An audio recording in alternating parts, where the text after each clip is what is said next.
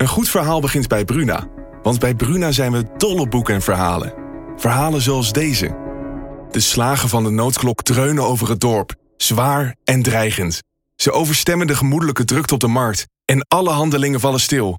Wat zou er aan de hand zijn? vraagt Oda ongerust. Wil jij weten hoe dit afloopt?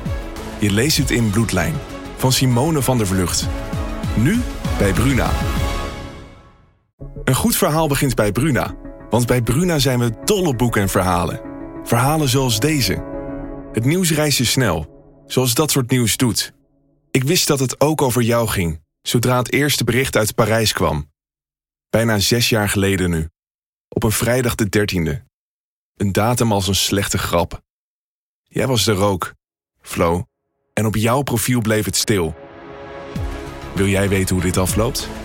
Je leest het in Luister van Sascha Bronwasser. Nu bij Bruna. Van mijn moeder weet ik dat een van de rechercheurs ging staan en tegen haar begon te schreeuwen dat ze wel meer moest weten. Mijn moeder zei toen: Neem een kopje thee en ga zitten. In de vroege ochtend van maandag 7 juni 2010 stopt een arrestatieteam voor de deur bij Herna Mulders in Koekangen. De pleegmoeder van Willeke is dan 66 jaar oud en alleen thuis. Ja, en dan, uh, dan bel je aan, dan word je binnengelaten. En de rechtercommissaris neemt op dat moment het woord en die legt ook uit waarom wij daar zijn. Uh, ik weet wel dat ik het een moeilijk moment vond. Omdat je inderdaad wel heel erg wel bewust die stap over de drempel zit, weet wat je overhoop gaat trekken. En uh, ook weet wat de consequenties niet goed hebt.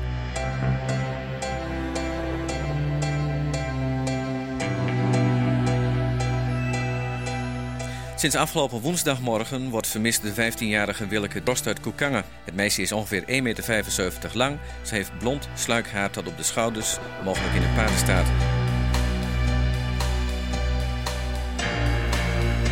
De nacht van zondag op maandag werd ik om tien voor drie wakker. Omdat er iemand aan mijn buitendeur stond te trekken. Ze is spoorloos verdwenen en in theorie, want je kan niks uitsluiten, zou ze bij wijze van spreken ergens kunnen leven.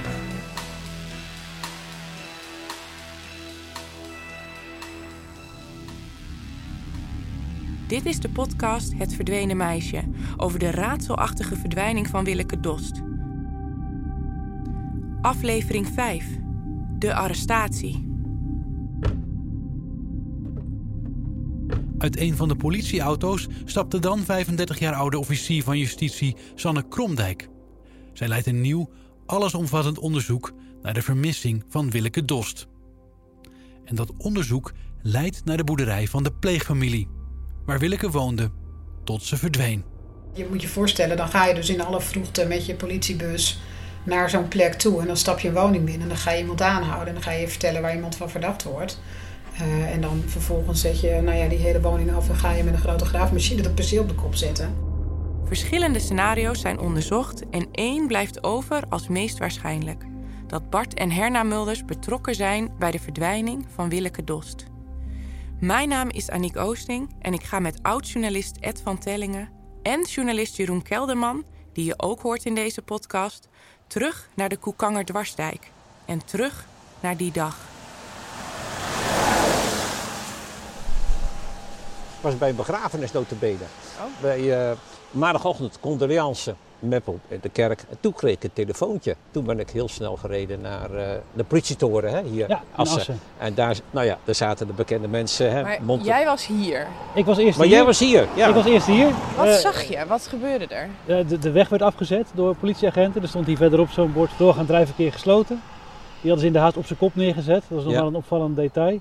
En ja, de omgeving werd gewoon afgezet door, door de politie. Dus je kon niet verder, je kon niet bij de boerderij komen. En de verder zag je hier wel politiebusjes staan. Ja, en ze gingen met, uh, met die grote, grote hekken aan de gang om eigenlijk alles of zoveel mogelijk aan het zicht te onttrekken. Ja, ja. dat was ook een noodverordening. Hè? Ja. Die, uh, dat wordt uh, met grondradars en grondradars, met forensische ja. archeologen, weet ik veel wat. En maar je kwam er met geen mogelijkheid bij. Met het arrestatieteam komt een heel peloton forensisch experts mee. In totaal 30 man. Zij gaan in en om de boerderij op zoek naar sporen en op zoek naar het lichaam van Willeke. Het is voor Sanne Kromdijk geen gemakkelijk besluit om Bart en Herna Mulders aan te houden. De officier van justitie werkt dan al maanden aan de zaak.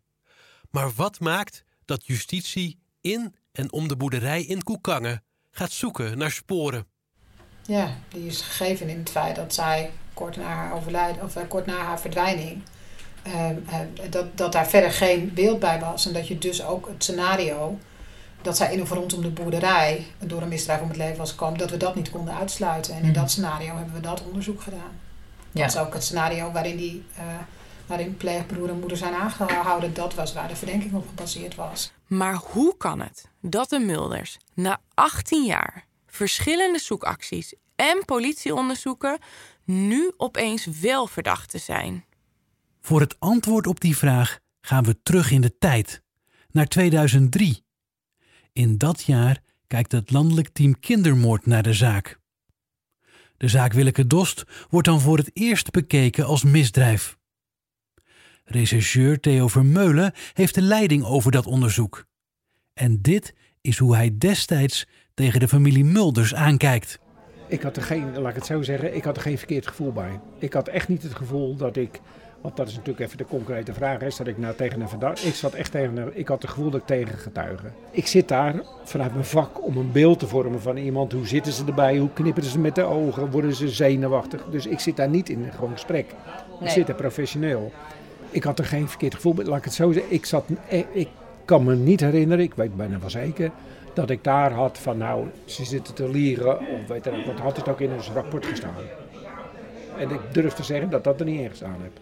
In 2004 heeft het landelijk team kindermoord dus geen enkele concrete aanwijzing dat de familie Mulders betrokken is bij de verdwijning van Willeke. Rechercheur Theo Vermeulen is dan ook heel verbaasd als hij in 2010 hoort dat Herna en Bart zijn opgepakt. Ik was verbaasd en ik was heel benieuwd van wat is nou de basis waarop zij verdachte geworden zijn. En weet je dat? Nee, er waren geen sporen. We hebben nou ja, alles wat, wat, wat er mogelijk was. Of er moeten verklaringen gekomen zijn van mensen die hebben gezegd, maar ja, die hadden dan in het dossier moeten zitten. Want dat had dan in hun zaken verdachte dan op grond van wat wij in ons dossier hadden, wat we overgedragen hebben aan DEUM, was er geen enkele reden om iemand als verdachte aan te merken. In zo'n beetje dezelfde periode dat Theo Vermeulen en zijn team bezig zijn met de zaak, verdiept ook cold case rechercheur Dick Goosenweer uit Vledder zich erin. Collega Frank Jeuring interviewde hem in 2018 en vroeg hoe hij naar de zaak kijkt. Er zijn heel veel verhalen in deze zaken. Er zijn weinig zaken waar zoveel verhalen zijn inmiddels al bij Willeke Dorst. Dat weet ik allemaal niet, ik ben er niet bij geweest. Het enige wat je kunt zeggen is van wat zijn er nou feiten? En feiten zijn dat het hele verhaal van de pleegouders over haar vertrek niet klopt. Dus nergens klopt het. En als je moet je voorstellen dat het kind inderdaad niet naar school komt. Dan zegt ze dus op een gegeven moment, ja misschien zou ze wel bij de vriendin in Staphorst zijn. Nou dat kan, hè, want dat was ze wel vaker. Daar blijkt ze niet te zijn. En dan wachten we tot s'avonds 8 uur. Tot men, de, tot men dan de school belt. En dan zegt de school, het meisje is nooit op school geweest. Nou, dan moet je dus langzamerhand in paniek raken. En dan wacht, dat gebeurt dus niet. En dan wachten we tot kwart over tien. En uiteindelijk besluiten we dan kwart over tien de politie te bellen. En dan zeggen we later, ja, we onmiddellijk de politie gebeld. Dat is helemaal niet waar. Het hele verhaal van die pleegouders klopt nergens en rammelt aan alle kanten. En er is maar één redelijk scenario deze zaak. Dat het meisje in haar kamer om het leven is gebracht. En dat het lichaam is weggewerkt en de fiets is weggewerkt. En dat, dat men daarna een verhaal in elkaar gestoken heeft. Dit is opmerkelijk. Dick Goosenweer zegt het hier niet hardop, maar hij beschuldigt Piet en Bart van een misdrijf. Moord of doodslag. En Herna wist ervan, volgens hem. De ene politieman vindt geen aanwijzingen dat de Mulders betrokken zijn. De andere politieman lijkt ervan overtuigd dat de leden van de pleegfamilie de daders zijn. Het zegt heel veel over het gebrek aan sporen in deze zaak. Alles wat we weten komt uit verklaringen. Vooral die van de pleegfamilie zelf zijn belangrijk. Hoe je die weegt en interpreteert bepaalt dan blijkbaar de uitkomst.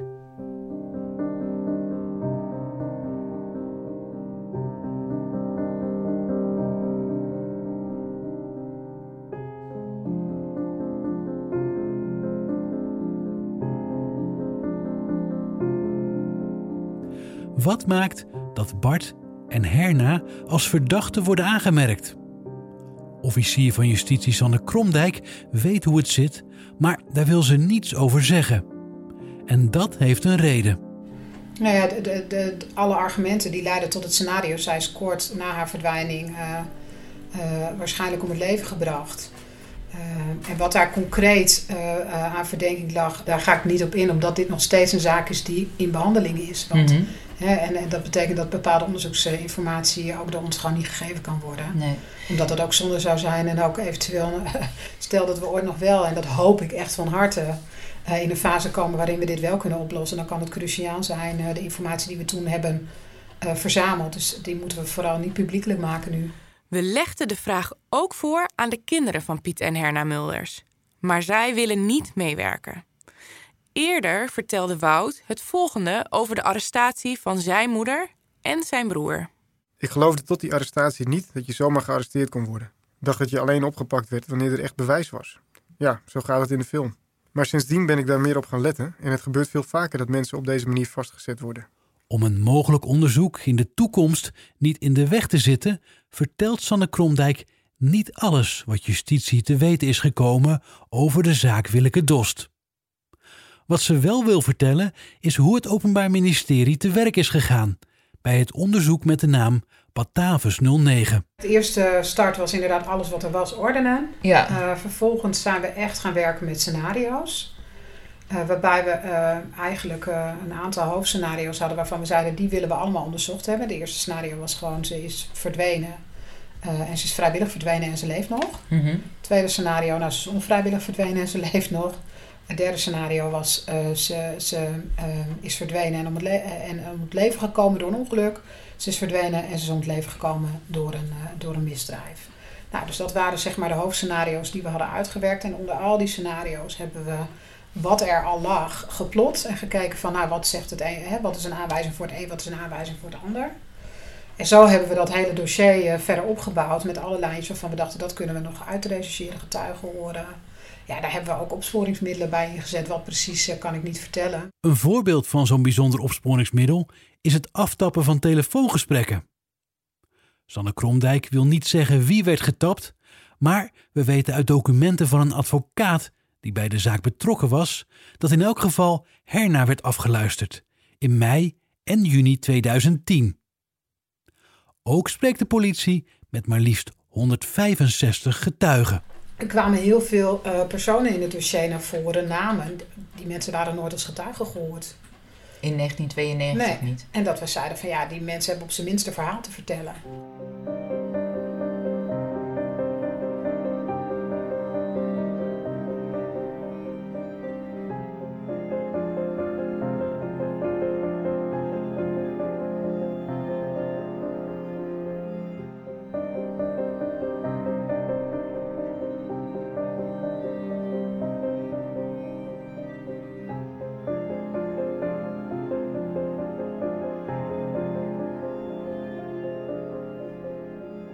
Wat zijn verklaringen die getuigen bijna twintig jaar later afleggen nog waard? Deskundigen vertellen ons dat herinneringen in de loop van de tijd veranderen.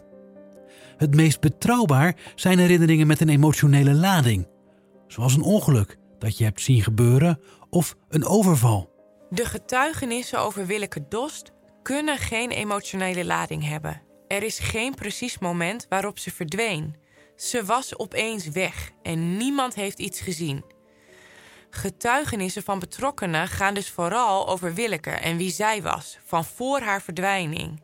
Dat roept bij mij de vraag op: zijn wij geneigd om te getuigen als we niets gezien hebben? Bijzonder hoogleraar rechtspsychologie Erik Rassin zegt van wel.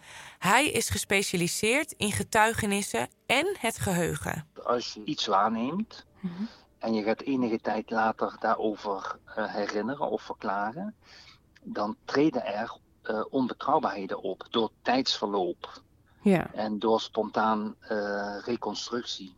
Ja. Maar in dat tweede scenario, als je eigenlijk helemaal niks hebt gezien, is er dan toch een kans dat je denkt dat je iets gezien hebt wat relevant is.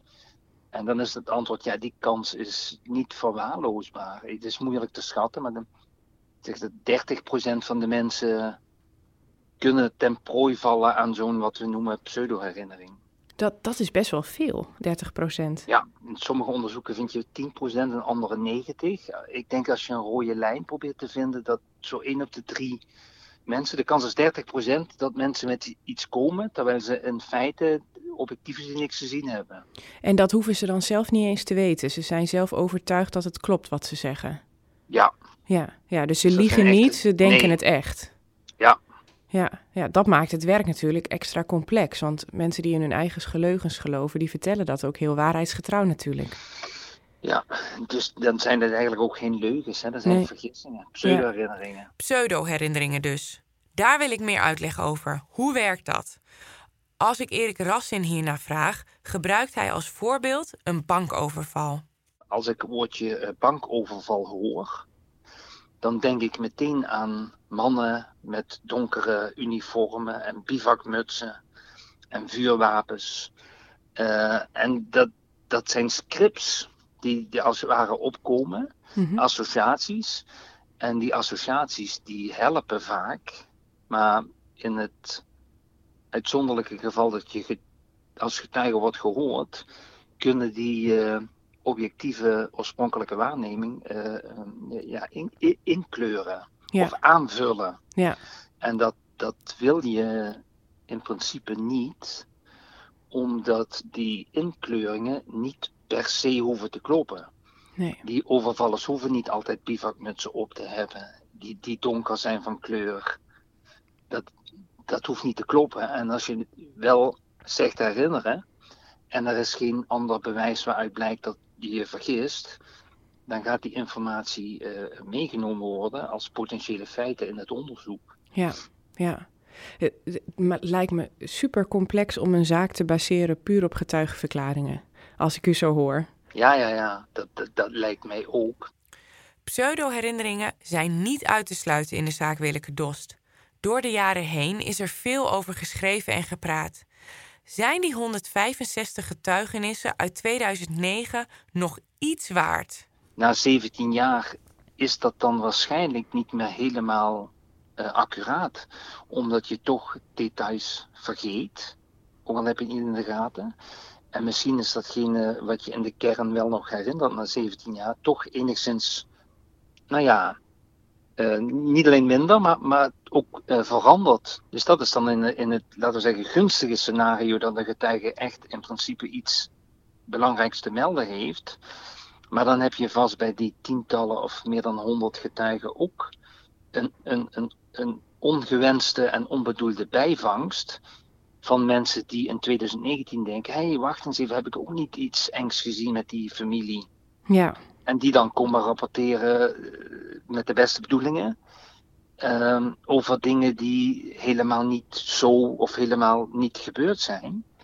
En dan zit je dus als politie met het probleem dat je 150 eh, sporen hebt, waarvan misschien maar, nou ja, is nog steeds veel, de helft ehm, eh, zinvol is.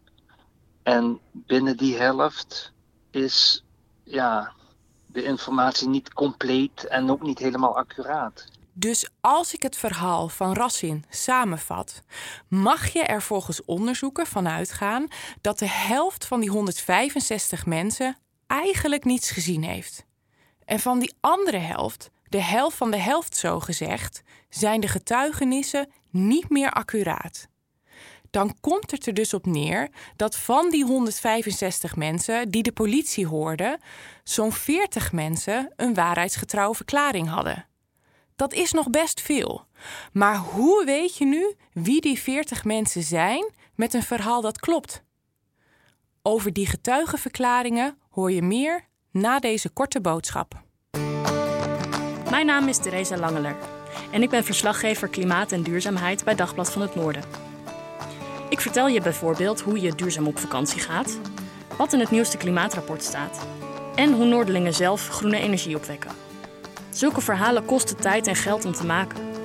Neem nu een digitaal abonnement op Dagblad van het Noorden, zodat ik dit soort producties kan blijven maken.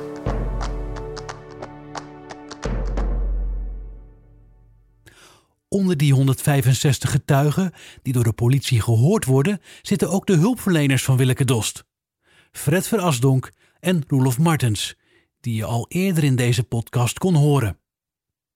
Het valt Roelof Martens op dat de vragen die aan hem gesteld worden vooral gaan over pleegmoeder Herna Mulders. In 2009 hebben ze een beetje doorgezaagd over de persoon van de pleegmoeder. Oh ja.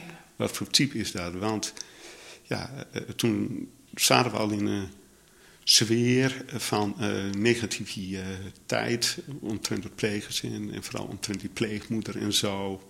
En dat vond ik ook heel opvallend. Er is mij geen andere vraag gesteld dan alleen maar over die pleegmoeder. Ook pleegbroer Wout werd verhoord. Zo vertelde hij ons eerder. Wat mij opviel was dat dingen die je doet wanneer je jong bent vergeleken worden met een situatie 20 jaar later. Zo vroeg een rechercheur zich af waarom ik zo weinig wist van de geschiedenis van Willeke. Ik zou dat wel willen weten, zei hij. Ja, ik nu ook, maar destijds niet. De verhoren gaan uiteraard vooral over Willeke bij de familie Mulders. Maar met name de persoon van pleegmoeder Herna stond centraal. Dat is niet voor niks, zal later blijken als Herna wordt opgepakt als verdachte. Maar wat hadden politie en justitie nu eigenlijk in handen om Bart en Herna Mulders aan te houden en acht dagen vast te zetten, vermoord dan wel doodslag? Via de officiële kanalen horen we niets. Maar we hebben van advocaten, oud-politiemensen en direct betrokkenen wel veel gehoord. Op basis daarvan weten we het volgende. Voor zover wij weten waren er drie belangrijke onderdelen: tegenstrijdigheden in de verklaringen, uitkomst van tapgesprekken en de getuigenissen. Laten we beginnen met die tegenstrijdigheden. In 2012 maakte advocaat Esther Vroeg bezwaar tegen het niet vervolgen van Herna en Bart Mulders namens haar cliënt Klaasje Wopke, de tante van Willeke. Zij mocht het dossier inzien en vertelt wat zij verdacht vond. Hele tegenstrijdige verklaringen over wie er gemeld zou hebben. Dat ze ook op school als vermist zou zijn gemeld. Terwijl later bleek dat dat, uh, toen later dus die docenten zijn gehoord, uh, dat dat niet gebeurd is geweest. Um, wat ook wat heel opvallend was, maar uh, dat is die moeder van die vriendin, hè, van die hartsvriendin. Ja. Zei van ja, ze was hier dus gewoon heel vaak s'avonds tot, tot negen uur. Ja. Dat blijkt ook uit haar verklaringen. En dan bracht ze met de auto als het donker was naar huis toe. En uh, ja, hier uh, wordt eigenlijk door de pleegouders geschetst dat het heel bijzonder was uh, dat ze daar niet zou geweest zijn. En we hebben eigenlijk ook het idee dat er een soort, ja, een soort scène in één is gezet. Om te zeggen, hè, van, we, we, maken allerlei ehm, facetten, brengen we in het dossier of in de verklaringen. Van we hebben alle moeite gedaan om te onderzoeken waar Willeke was. Ja. En dat blijkt eigenlijk een vaste te zijn geweest. De pleegouders reageerden dus mogelijk laconieker op de verdwijning dan ze later vertelden. Een andere tegenstrijdigheid is het weer. Volgens Henna Mulders was het enorm slecht weer toen ze de avond van de verdwijning met een vriendin terugreed naar huis van een cursus volksdansen in Nijverdal. Weerberichten vertellen een ander verhaal. Regisseur Theo Vermeulen en zijn team doken onder meer in weerrapporten van januari 1992. Hij legt uit waarom dit soort details belangrijk kunnen zijn in een onderzoek. Nou, uiteindelijk is dat, kan dat bijvoorbeeld een van je onderdelen worden waarom iemand verdachte wordt. Want als je op een gegeven moment verklaringen, laten we even de verklaringen van Henna nemen. Als je daar 30 dingen uithaalt die niet kloppen met de, met de feiten die je achter kan halen. En als je dat op rij zet, nou, dan kan iemand best wel aardig verdachte worden. als je dat kan aantonen dat het weer toch anders was. En dat ze niet met de auto gebracht is, maar dat ze zelf gereden heeft. Nou, zo ken je allemaal dingetjes bij elkaar. Als hij dat professioneel onder elkaar zet en dan bij een rechtercommissaris neerlegt en zegt van nou, ik vind dat ze verdacht is of ik wil tappen. Hè, nou, dan kan je dat goed helpen. Die kleine tegenstrijdigheden vallen op in de verklaringen van de Mulders. Maar maakt ze dat ook verdacht? Ik stel deze vraag aan Erik Rassin. Maar als jij een aantal dagen na een verdwijning, dat was toch zo, denk ik, toch? Dat was een tijdje later pas. Ja. Als, je, ja, als jij dan een verklaring aflegt over die avond, ja, dan ga je ook, als je niks te verbergen hebt, ga je vergissingen maken. Ja. Ik weet ook niet meer of het twee weken geleden nou regende of... Ik weet dat het niet sneeuwde en er was geen zandstorm. Maar of het hard regende en wat op tv was toen ik voor het laatst die of die zag, dat, dat weet je dan niet meer. Nee. Dus niet, niet alle inconsistenties duiden op op, op uh, boos opzet of op iets te verbergen hebben. En andersom geldt ook dat als het allemaal heel glad is, dan kun je je ook afvragen, is dat dan misschien van tevoren afgesproken onderling? Ja, ja. Dus nee, ik weet niet of dat. Um, dan, dan lijkt het mij um, redelijker om, om de pleegfamilie te verdenken, omdat het meestal iemand in de omgeving is die er iets mee te maken heeft.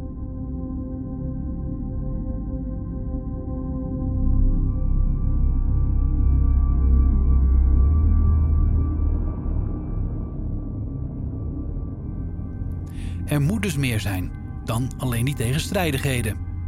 Esther Vroeg maakte na het lezen van het dossier drie categorieën waarom de Mulders volgens haar verdacht waren. De tijdslijn, dat was voor mij van belang. Het tweede verdachte omstandigheden en aanwijzing contra Mulders, Soetmulder en B-Mulders. En die heb ik opgesplitst in de ontuchtige handelingen. Het, het feit dat ze mogelijk zwanger zou zijn geweest. Uh, het verbranden van de kleding. Uh, het opruimen van de kamer van Willeke. En dan die, die hele bijzondere negatieve uitlatingen. Ontuchtelijk handelen en Willeke Dost was mogelijk zwanger. Het zijn verhalen die later naar voren komen over de vermissing van Willeke Dost. Het zwangerschapsverhaal wordt stevig ontkend door Piet en Henna Mulders als ze geïnterviewd worden door RTV Drenthe. Nou, dus kleine rekensommetjes die, uh, die leggen toch wel uit dat dat erg moeilijk uh, geweest moet zijn. Dat was ze dus niet. Het lastige is dat je niet met zekerheid iets kunt bevestigen of ontkrachten. Bewijs ontbreekt en het enige dat je hebt zijn verhalen. Bij voogd Roelof Martens en maatschappelijk werker Fred Verastonk zijn geen signalen binnengekomen. Dat hebben we hen natuurlijk gevraagd. Ook rechercheur Theo Vermeulen, die in 2004 onderzoek deed en het vermeende seksueel misbruik onderzocht, zag geen grote afwijkingen, zoals hij dat zelf omschrijft. Ik moet denken aan de psychische problemen van Willeke. Zou het bij haar passen om zo'n verhaal te verzinnen? Volgens Fred van Astonk is het iets dat ze vaker zien bij beschadigde kinderen. Dat deze beschadigde kinderen, uh, wanneer ze in conflict met hun pleegouders uh, geraakt zijn, en dat kunnen soms hele kleine dingen zijn, maar dat ze dus daarbuiten hun pleegouder beschuldigen van dingen die nooit gebeurd zijn. Ja. We zullen waarschijnlijk nooit weten wat waar is van deze verhalen. Feit is wel dat Herna in 2010 in de gaten had dat seksueel misbruik een onderwerp was in het onderzoek. In een telefoongesprek dat de politie tapte op 2 juni 2010 instrueert ze Wout om tijdens zijn verhoor bij de politie niet te zeggen dat hij tijdens een vakantie bij Willeke in de tent heeft geslapen. Anders zit daar weer seks in, zegt ze. Het laatste punt dat Vroeg noemt zijn de negatieve uitlatingen over Willeke. Hiermee doet ze op vervelende dingen die Piet en Herna zeggen over Willeke in verhoren. Let op, deze stemmen zijn niet echt van Piet en Herna, we hebben stemacteurs gebruikt. De roddels kwamen van Willeke. Willeke heeft een dubbel leven gehad waarvan wij niets wisten. We zijn gewoon de pineut. Ze heeft altijd mensen ongelukkig gemaakt. Schoolkameraadjes, alles en iedereen. En dit zegt Herna als de politie in het verhoor vraagt wat er zo negatief was aan Willeke. Dat ze zo lelijk met vriendinnetjes omging, dat ze plaagde.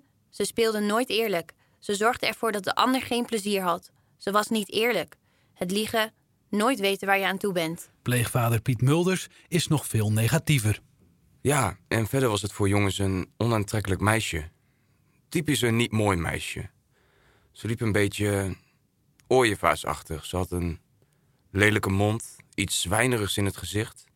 Dus niet echt een mooi meisje om reclame te maken. Kortom, ja, niet een erg aantrekkelijk meisje. Ze was normaal van postuur, eerder dun dan normaal. Een, een hangbuik had ze wel en ze was ook niet zo sprankelend. We kunnen de uitspraken van Piet en Herna helaas niet meer aan hen voorleggen voor context. Piet is in 2006 overleden en Herna haar gezondheid laat het niet meer toe. Mijn moeder hield dagboeken bij over alles dat we meemaakten met de pleegkinderen en hoe mijn ouders daarop acteerden. Deze verhalen werden gevonden en hierover werd zij bevraagd. De tactiek van justitie hield in haar onder druk te zetten, zodat ze zou bekennen. Terug naar juni 2010. Bart en Herna zitten vast en worden verhoord. De boerderij wordt vijf dagen lang minutieus onderzocht. Maar op 11 juni vertrekken de graafmachines en forensisch experts. Er wordt helemaal niets gevonden. En op woensdag 16 juni komen Bart en Herna weer op vrije voeten. Het is echt een verdenking, uh, maar er moet beslist nog uh, wat bijkomen om te komen tot bewijs. En wat uh, moest erbij komen? Ja, weet je, zolang je geen lichaam hebt en je hebt alleen maar indirect bewijs en, om aan te kunnen nemen dat er een levensdelict is gepleegd, zul je op zijn minst daar nog extra aanwijzingen voor moeten verzamelen. En dat, kan op, ja, dat bewijs kan op allerlei manieren. Ja, oh, ik neem aan dat jullie ook hoopten om dat uit te verhoren uh, ja, uh, een, zoeking doe je, een, een, een, zoeking doe je ook niet voor niks. Nee, nee. Um, uh, maar daar kwam niks uit. Punt. En dan moet je ook zeggen, nou ja, weet je, we hebben het heel goed en grondig onderzocht. En we kunnen niet vaststellen dat dit scenario het juiste scenario is. Er lag dus een verdenking. De rechtercommissaris vond het genoeg om Bart en Herna op te pakken en vast te houden. Maar het bewijs voor de verdenking moest dus nog gevonden worden. In of op het erf van de boerderij of uit de verhoren van Bart en Herna. Zoon Wout zei hier eerder het volgende over. Mijn moeder heeft aan de arrestatie angsten overgehouden en kan niet meer goed slapen. Zij is nu aan het dementeren en herkent ons niet meer, maar ze weet nog wel te vertellen dat ze in de gevangenis heeft gezeten. Toch staat officier van justitie Sanne Kromdijk nog steeds achter haar besluit ik vond dat er alle aanleiding was, ondanks het feit dat ik dit ook voelde, om het toch te doen. Mhm. En daar zit ook wel zeg maar, het maatschappelijk belang van het oplossen van zo'n zaak in. Ja. En, en toch antwoord willen op de vraag wat er uh, met Willeke Dost gebeurd is. En ja, dat antwoord dat hoop ik nog steeds uh, dat dat een keer gegeven wordt. Uh, maar uiteindelijk ook niet ten koste van alles. En dat heb je als officier altijd heel goed te wegen. Eh, wat ik hier lees, wat ik hier zie, is dat genoeg om het te kunnen uitleggen? Nou, dat hebben we intern ook heel erg met elkaar getoetst elke keer. Uh, en ik vond het ook best een hele grote stap, zeg maar, die aanhouding en die doorzoeking. Uh, maar ik vond hem wel terecht. Dat vind ik nog steeds. Mm -hmm. um, ook uiteindelijk misschien wel in het belang van, nou ja, we hebben dat scenario nu ontkracht. Het duurt dan nog een jaar voordat Bart en Herna Mulders officieel verdachten af zijn. Zoveel tijd hebben Kromdijk en haar team nodig om het onderzoek af te ronden. Geen wettig en overtuigend bewijs, luidt de conclusie. Als er al sporen waren, dan is daar in 2010 niets meer van terug te vinden. En de herinneringen zijn 18 jaar na Willekes verdwijning vervaagd.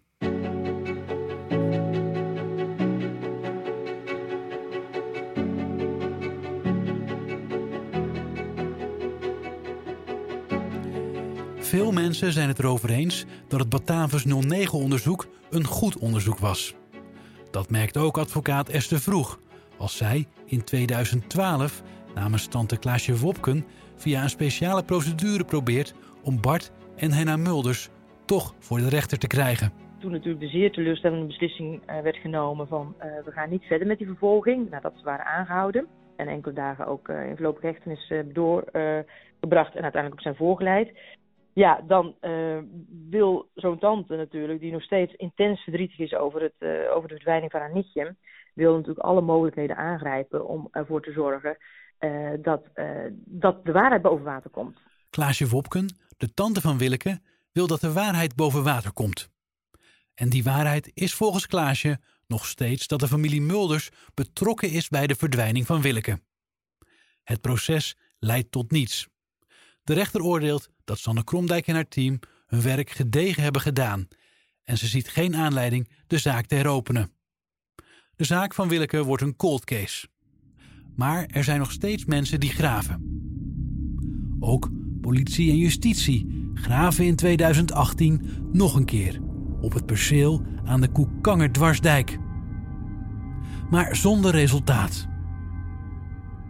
Heb je tips voor ons? Mail dan naar willekedost.dvhn.nl. In de volgende aflevering bekijken we wat er met Willeke gebeurd kan zijn. Want verschillende mensen denken haar nog gezien te hebben na haar verdwijning. Zouden die verklaringen waar kunnen zijn?